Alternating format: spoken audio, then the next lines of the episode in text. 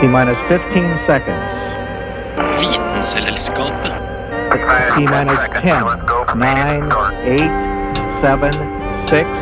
We have main engine start. 4, 3, 2, 1, and liftoff. Vitenselskapet. Vitenselskapet på Radio Nova.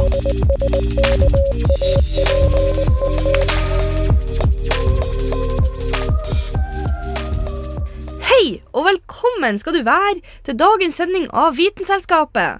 Programmet som forklarer deg alt du trenger å vite om alt. Mitt navn er Ida Katrine Vassbotn. Den neste halvtimen skal du få mye bra stoff, og faktisk stort sett fra nabolandet. Jeg snakker selvfølgelig om Sverige. For dagens sending handler om våre gode naboer, som faktisk har noe mer å by på enn bacon og snus. Visste du at Sverige er 447 435 kvadratkilometer? Noe som faktisk er over 62 000 kvadratkilometer større enn Norge. Og at det bor rundt 9,9 millioner stykker der. Ok, kanskje ikke så interessant, men nå skal vi over til noe annet. Hæla i taket med Vitenselskapet.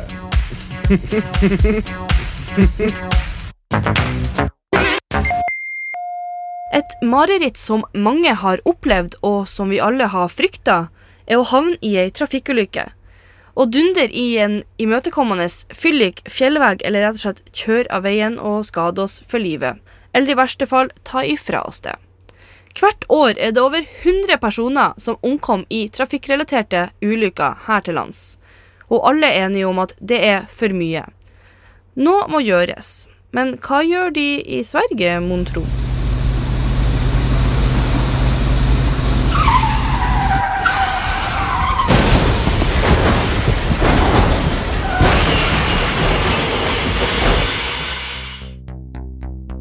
Selv om vi har sett det plenty, i kanskje spesielt superheltfilmer de siste åra, er det litt gyselig bare å høre lyden av en kollisjon.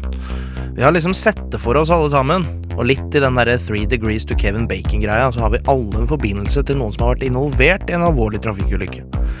Derfor var det en gledelig nyhet da Volvo annonserte sitt hårete løfte i fjor. Å gjøre bilene sine dødssikre innen 2020. Og her begynte i hvert fall hjernen min å gå litt tilbake til barnestadiet. Nesten så jeg kunne finne fram et papir og noen blyanter og tegne hvordan den her måtte se ut, for at ingen skulle kunne dø inn. Kanskje en diger firkant med masse mellomrom mellom passasjerene og skroget, nær sagt. Eller kanskje som en radiobil fra tivoli med masse puter rundt den, så uansett hvor hardt den traff noe, så ville det bare bompe unna. Én ting var jeg iallfall sikker på, at den bilen her, den måtte bli ganske rar. Men det handla jo ikke om bilen, for de kommer til å se ut som de alltid har gjort.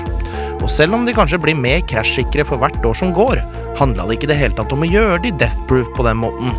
Og der kom kanskje opphenget mitt fra, Tarantino-filmen Deathproof. For Volvo kan ikke hindre folk fra å være idioter, og tar heller ikke ansvar om noen skulle være det, men dødssikkert skal det bli læll. Måten man skal gjøre dette på, er ved hjelp av å utvikle teknologi som allerede er i bruk i dag, og i størst mulig grad gjøre bilen selvkjørende. Dette mener de altså er nøkkelen til å forhindre dødsfall, og da ikke bare på de som faktisk sitter inne i bilen, men fotgjengerne, og til og med elgen skal reddes. Og her kommer den, den magiske oppskriften til å lage en selvkjørende bil. Er du klar?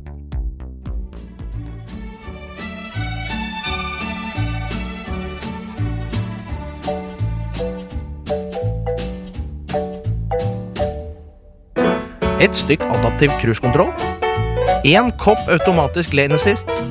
Én spiseskje kollisjonsunngår, Én teskje fotgjengerdetektor. Og ett fedd elgdetektor. Mush det sammen, bak i tre år, og vips, en dødssikker bil.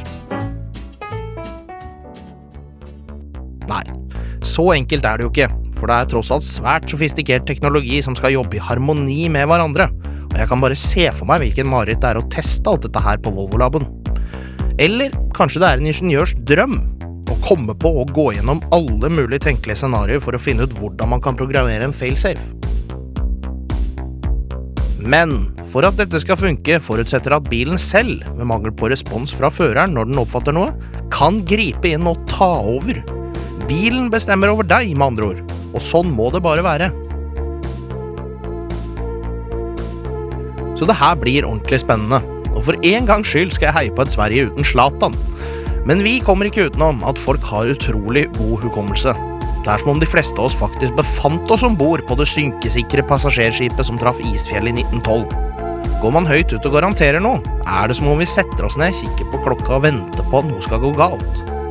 Men dette er de klar over, og det er tross alt svensker det er snakk om.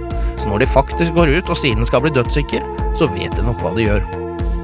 Og skal man ta utgangspunkt i å sikre at hva som helst kan gå galt, finnes det jo ikke et bedre folkeslag å ta utgangspunkt i. Som svensken som var ute og kjørte bil og hørte på radioen at det var en bil i motgående kjørefelt på E6. Én! Det er jo flere hundre av dem!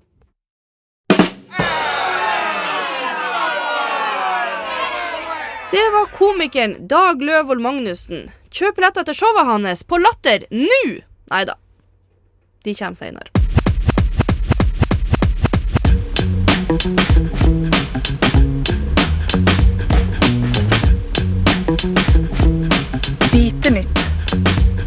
Det du trenger å vite. Ja, nå skal vi videre til noe som er spennende, gøy og kult. Det er tid for Vite nytt. Og i studio her har jeg fått eh, to unge kvinner som skal fortelle veldig mye kult. Det er hun Hanne og hun Anna. Hallo. Hallo. Hei, hei. Hva har dere til meg i dag, da? Jo, vi tenkte å gå gjennom alle de eh, nobelprisene som har blitt delt ut nettopp. Og Ja. vi tenkte å begynne i, med medisin og fysiologi. Ja, for det er jo tre nobelpri... Eller hva skal jeg si Tre vitenskapelige nobelpriser, da, som deles ut hvert år. Så det er jo da medisin, og så kjemi og fysikk. Og de her som alle andre Ikke alle andre, men veldig mange av de nobelprisene blir delt ut i Alle nobelprisene blir delt ut i Sverige. Sverige. Ja. Bare fred i Norge. Bare fred i Norge. Det er sånn det er. Yes. Mhm. Ja. Så årets eh, nobelpris i eh, medisin eh, går jo til tre hvite, eldre amerikanske menn. um, Våre favoritter. Ja, ja. Eh, Men de har jo oppdaga noe ganske kult. eh, Fordi eh, de har måte De har vært pionerer innen eh, påvisningen av den biologiske klokka. Eller den sirkadiske døgnrytmen til, eh, til levende organismer, da. ja. De har faktisk klart å isolere et gen som påvirker denne her biologiske klokken eller rytmen i alle cellene i kroppen vår, og til planter også. Og sett på funksjon og sånne type ting. Ja, fordi det de gjorde, de hadde et eksperiment der de så på bananfluene. Em, og de klarte å isolere et gen som styrte produksjon av et uh, protein. Og de så at den proteinproduksjonen den varierte gjennom døgnet. Uh, sånn at det genet det, det regulerte jo åpenbart en eller annen døgnrytme. Uh, og så har man tatt det videre og sett i, i at mennesker også har den samme varierende proteinproduksjonen av ulike, ulike proteiner, da. Eh, for eksempel så om kvelden så går eh, melatoninnivået vårt opp. Og det betyr at vi blir trøttere. Oh. for det er jo en fordel å sove om natta, ikke sant, når det er mørkt. Eh, og på eh, morgenen så går melatoninnivået vårt ned, og da blir vi våknere. Men hva vil det her si for folk som da har helt motsatt døgnrytme av det vanlige? Påvirkes, får de liksom dårligere da, livskvalitet, eller? Eh, ja, faktisk. Eller på en måte eller sånn, Den sirkadiske rytmen eh, Den går på en måte helt av seg selv i hvert enkelt celle i kroppen vår. Så hvis for eksempel har jetlag eh, Det er av at da matcher ikke miljøet eh, rundt deg som det miljøet du har inni kroppen. Så rytmen og miljøet utenfor er helt forskjellig, og derfor blir man ja, litt surrete og dårlig og sånn. Og sliten og Ja. ja, som vi kjenner igjen. Mm, ja, for man viser jo at skiftarbeid er jo faktisk ganske helseskadelig. Um, for eksempel så, um, så har vi proteinproduksjon i kroppen som uh, fører til at vi, når vi sover om natta, så, så lar vi betennelser blusse opp. Fordi kroppen er, er bedre egna til å motkjempe betennelser på, når vi hviler da, om natta, enn på dagen. Men de her ville ikke ha blitt blussa opp hvis du har vært våken om natta. Det er bare hvis du sover om natta at de Eller er det noe vi ikke vet? Eh, det er litt usikker på. Jeg tror det er uansett om du er uh, våken eller, uh, Hmm. eller sover, da. Men nå skal det sies at den biologiske rytmen vår den styres jo både av genene Mm. og av eh, eh, lyset. Så det er jo derfor den eh, kan eh, hva skal jeg si, forstyrres da, av Ja. f.eks. jetlag, Mm. som Anna sa. Hadde dere noe mer ifra denne Nobelsprisen? Det er vel bare å, øh, å si at øh, den sirkadiske rytmen det er, det er en veldig viktig oppdagelse, fordi man kan bygge videre på det med tanke på at den påvirker så mange aspekter ved, ved helsa vår, da, som blodtrykk og kroppstemperatur og hormonnivåer osv. osv. Mm. Det var fra Nobelsprisen i medisin som gikk til tre hvite, gamle amerikanske menn. Yes. Yes. Å vite vet Vitenselskapet.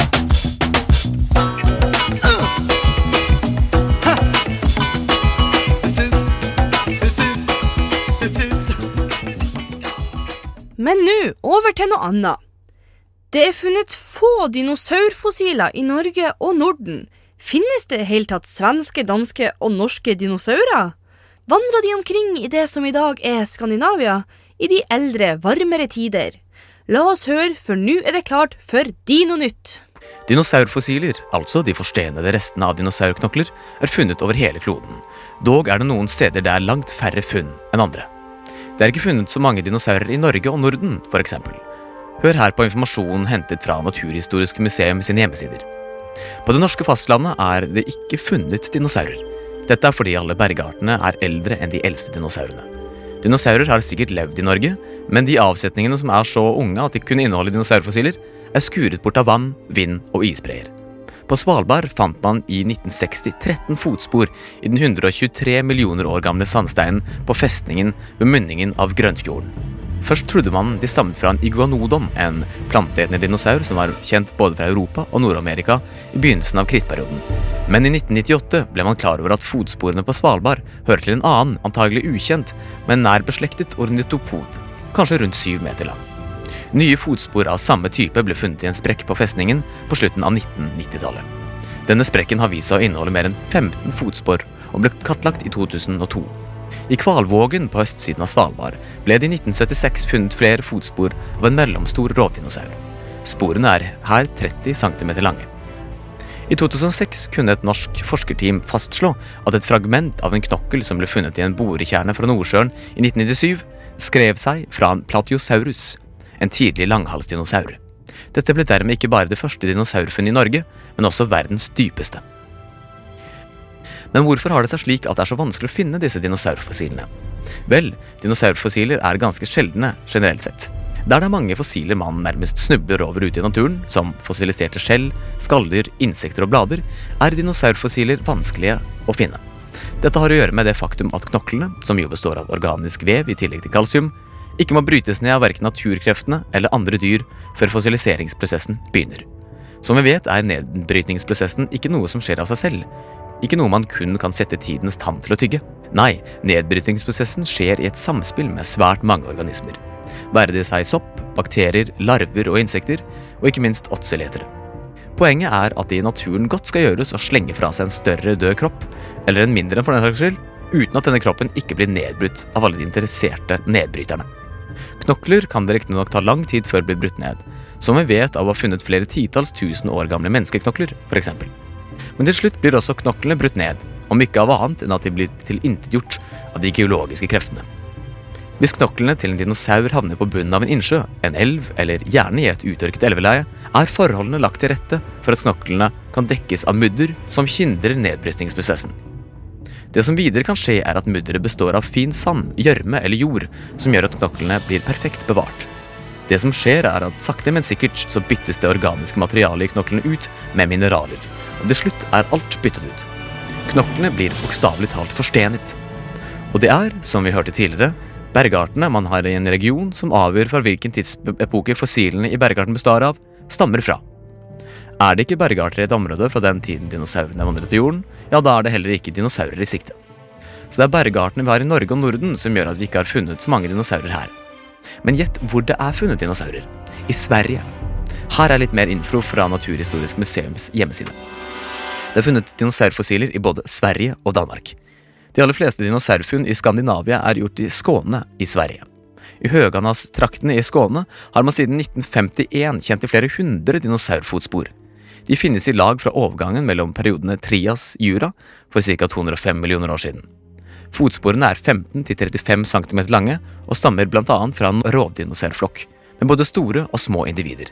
Kanskje en dilophosaurus som kunne bli opptil 5-6 meter lang. I 1952 ble de første skjelettdelene også funnet. Fire små ryggvirvler.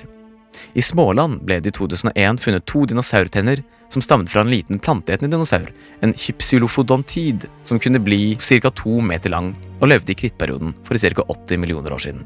To tenner og en ryggvirvel som er funnet på samme sted tidligere, skriver seg sannsynligvis fra samme art. I Danmark er det gjort funn av en rovdinosaurtann syd for Rønne på Bornholm i 2000. I et grustak ble det funnet en ca. 3 cm lang tann av en dromaeosaurid, en raptor-dinosaur. Selve rovdinosauren er antatt å ha vært rundt 3 meter lang, med en hodeskalle på 30 cm. Dinosaurtannen ble funnet i lag som er 120-130 millioner år gamle. Den er den eldste dromaeosauriden fra Europa.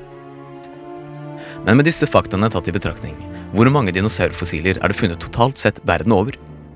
Heldigvis er det noen som ikke bare har begynt å liste ned hvor mange dinosaurfunn vitenskapen har snublet over, men som også har laget et interaktivt kart der man kan se hvor fossilene ble oppdaget.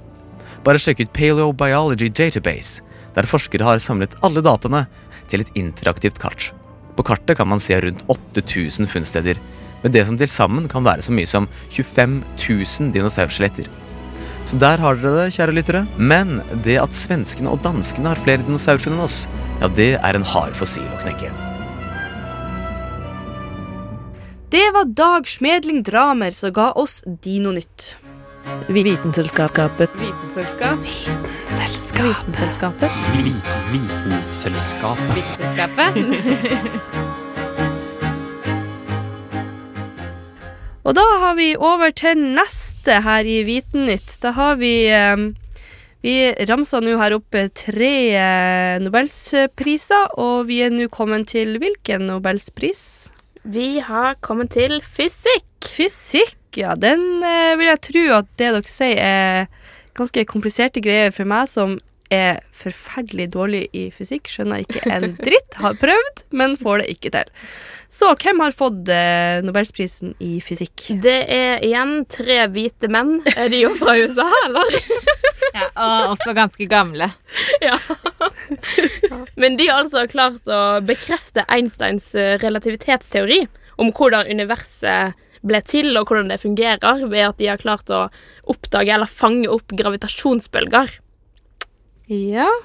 Ja, fordi um, Einsteins relativitets, relativitetsteori um, den sier jo at når et uh, digert objekt i rommet uh, beveger seg, altså ikke når det står stille, men når det beveger seg, så etterlater det seg krusninger eller bølger i det vi kaller romtid.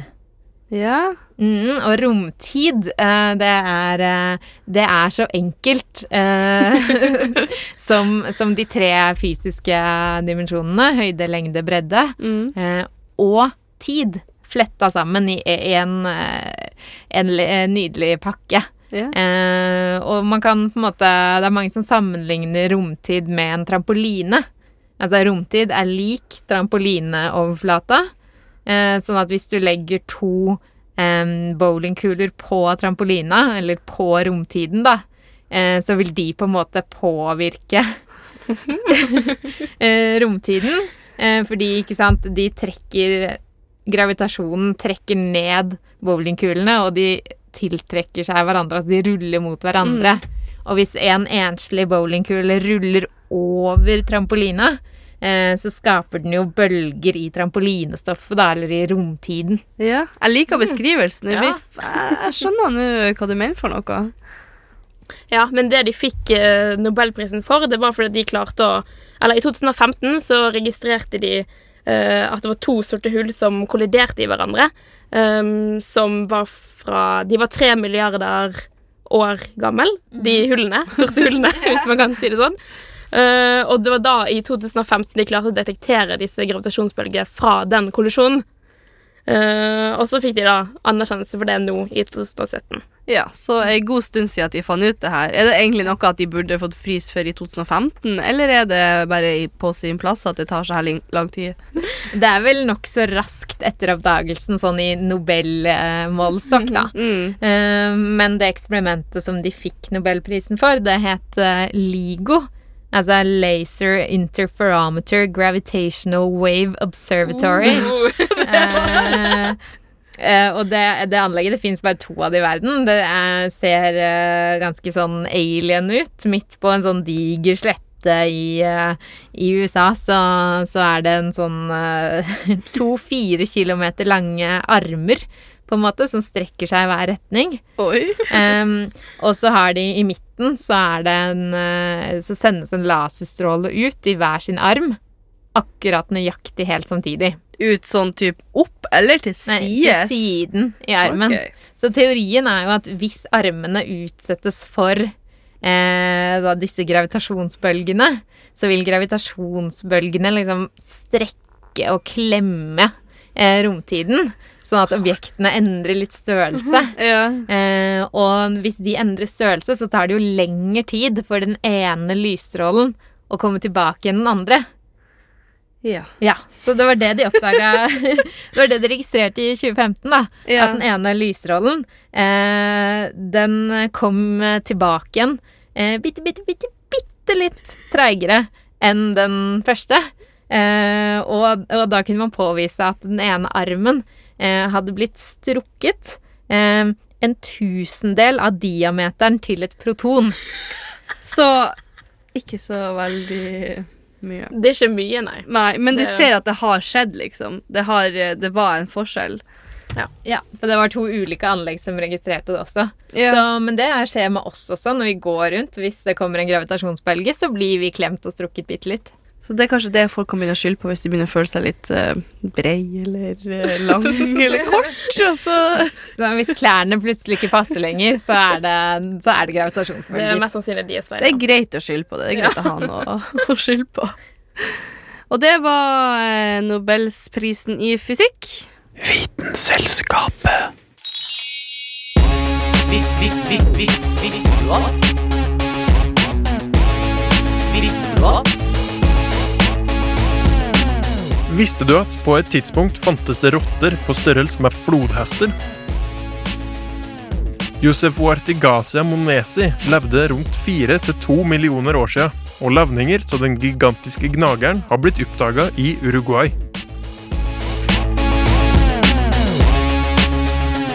Visst, visst, visst, vis,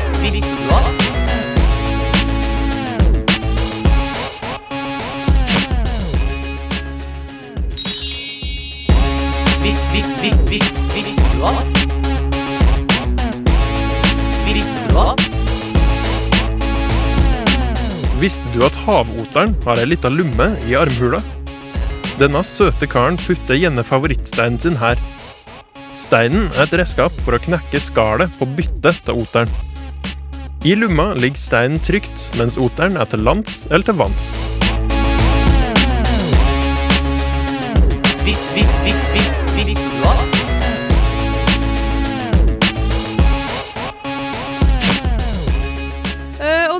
her i nytt skal vi ta for oss den tredje nobelprisen som vi presenterer, skulle jeg til å si, i dag. og da har vi nobelprisen i Kjemi! kjemi. Og det gikk til, ikke overraskende nok, tre hvite menn! Ja. også de i godt voksen alder.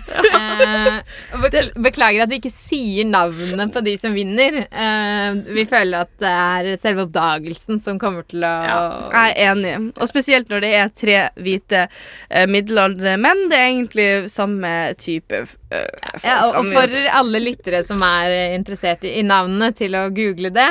Men selve oppdagelsen som disse kjemi-nobelprisvinnerne fikk, da, Det var for at alle har vært pionerer innen en teknikk som heter kryoelektronmikroskopi. Ja, for det, det disse mikroskopene klarer å gjøre, da, det er at de tar bilder av eh, biomolekyler. Og det her skal tydeligvis være en metode som har tatt biokjemien igjen til en helt ny æra. Fordi med disse bildene så klarer man på en måte å se um, uh, årsaken til sykdommer som virus av eh, Zika, Zika-virus, og til og med antibiotikaresistens. Så du får se litt på en måte sånn historikk, kan man si Eller, det? jeg tror du bare på en måte ser, klarer å se proteinoverflatene av uh, disse bakteriene og virusene, og så da klarer å finne en medisin til det her. Mm. Du kan på en måte se strukturen også inni virus og, og molekyler, da. Eh, for det som er problemet når du skal se på et biologisk eh, molekyl, det er jo ganske lite. Eh, så hvis du putter det inn i et vanlig mikroskop, som hva skal jeg si, et lysmikroskop, da, Mm. eh, så har ikke det god nok oppløsning eller forstørring til, å, til at man kan se noe særlig struktur der i det hele tatt. Eh, men hvis du putter det inn i et vanlig elek elektronmikroskop, altså et elektronmikroskop, da bruker du Da er det ikke lys som er uh, lyskilden, det er elektroner. Uh, så, så det du putter inn i, i mikroskopet, det blir bombardert med elektroner. Ja. Uh, problemet hvis du putter det inn i et vanlig elektronmikroskopi, er at um, inni der så er det vakuum. Og det er jo et lite problem, fordi inni biologiske molekyler så er det jo vann. Ja. Så de faller jo helt sammen, eller de på en måte tørker ut med en gang de puttes inn der, da. Men kryoelektronmikroskopi, da fryser du ned prøven, da, eller det biologiske molekylet, eh, sånn at det eh, i større grad bevarer strukturen. Ja. Eh, og da kan du bomba- bombardere det med elektroner uten at du ødelegger prøven, i hvert fall med en gang, da. Det blir litt mer hardfør, altså det tåler mer at du kan utsette for. Kult. Dette, dette var eh, faktisk ganske kul oppdagelse, og jeg skjønte faktisk hva dere mente alle sammen til syvende og sist. Eh, ja, det er kanskje litt uh, lettere å visualisere noe som visualiserer uh, biologiske molekyler, da. Og Ja. da, som, som Anna sier, da Så lenge man kan se molekylene, så blir det jo mye enklere å, å identifisere Hva skal jeg si Strukturer og hva som forårsaker smitte. Mm. Og hva vil det her ha å si da for framtida? Tror dere at vi kan finne årsaker da og liksom hjelpe til å bekjempe sånn epidemier, eller gud vet hva som kommer i Ja, altså Hvis vi vet eh, proteinstrukturen av en bakterie eller virus som forårsaker en sykdom, så vil det bli mye enklere å uh, lage en type medisin. Uh, for at medisinene vil jo angripe proteinoverflaten til det bakterien eller virus som skader oss. Så det blir jo en forenkling av yeah. hverdagen for oss, da. Så framtida er faktisk ganske lys med denne oppdagelsen. ja, ja, absolutt. Mm. Ja, men tusen takk for at dere kom. Det her var veldig fint, veldig lærerikt. Og eh, det er veldig gode nyheter, kan vi jo si. Bra er priser. Er dere fornøyd med de som har fått prisene, for, til tross for at det gikk igjen en viss type person? Holdt jeg på å si. En viss type folk? Ja, jeg syns det er ganske kule oppdagelser. Ja. Jeg- ja.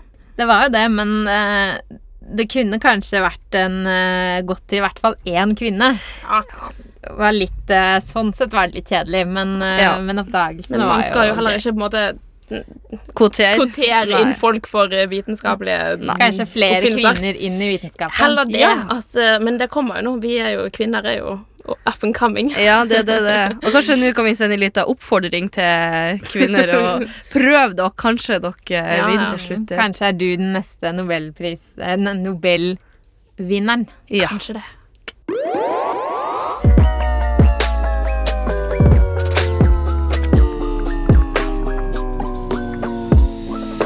Vitenselskapet.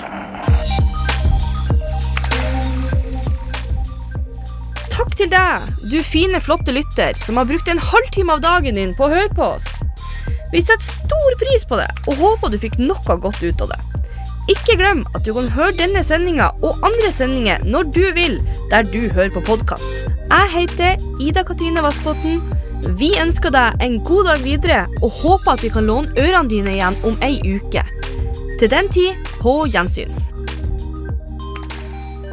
Vitenselskapet. Du lytter til Radio Nova.